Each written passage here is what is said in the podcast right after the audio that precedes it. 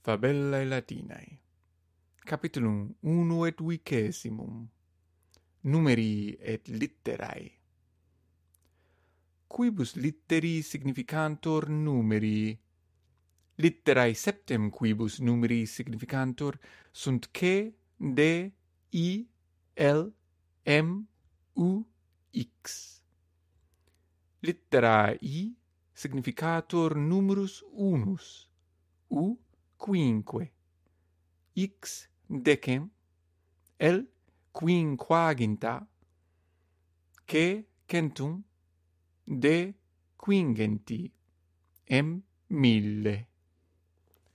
Ecce magnus numerus in quo omnes numerorum litterae unguntur m d k l x u i est mille sescenti sexaginta sex. Si bis scribuntur litterae i, x, k m, significantur numeri duo ii, viginti xx, ducenti k k duo milia m mm. Si eaidem litterae ter scribuntur, numeri significantur tres iii, triginta xxx, trecenti, che che che, tria milia, m m m. Si anteu et x ponitur i, fiunt numeri quatuor i u et noem i x.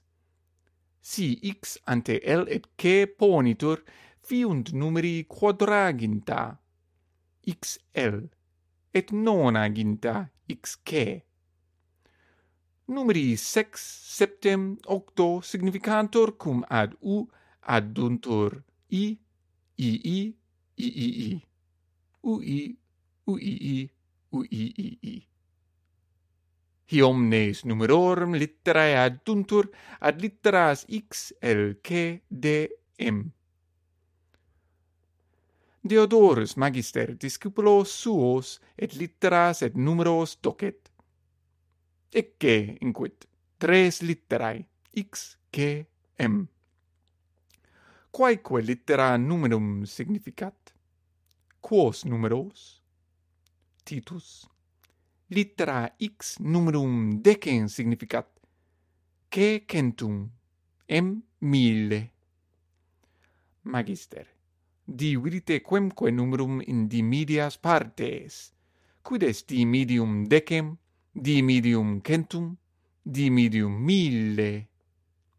Sextus, dimidium decem, est quinque, dimidium centum quinquaginta, dimidium mille quincenti.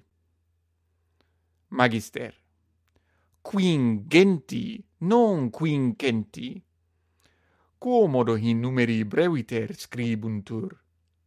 Sextus, quinque scribitur littera U. Quinquaginta L. Quingenti D. Magister.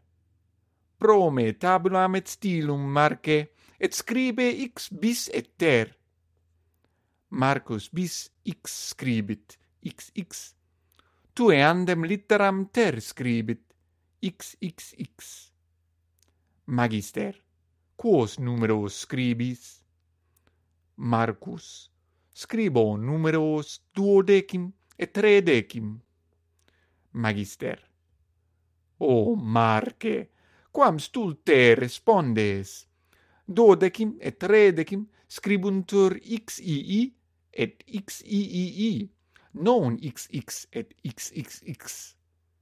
Is litteris significantur numeri viginti triginta. Iam scribe quadraginta et quinquaginta.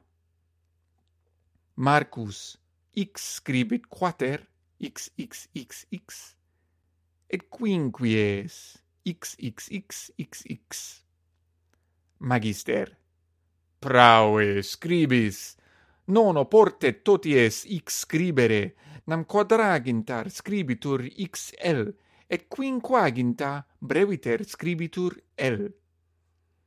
Sextus. Littera L non modo numerus significatur, sed etiam praenomen, ides Lucius. Itemque litteris M et G significantur praenomina Marcus et Gaius. Cur praenomen Gaius scribitur littera C non G? Magister quia antiquis temporibus una littera erat che significans et che et ge Sextus. Ergo numerus quingenti tunc erat quingenti Magister. Recte dicis. Ad nunc additur parva linea quae litteram ge non che esse significat.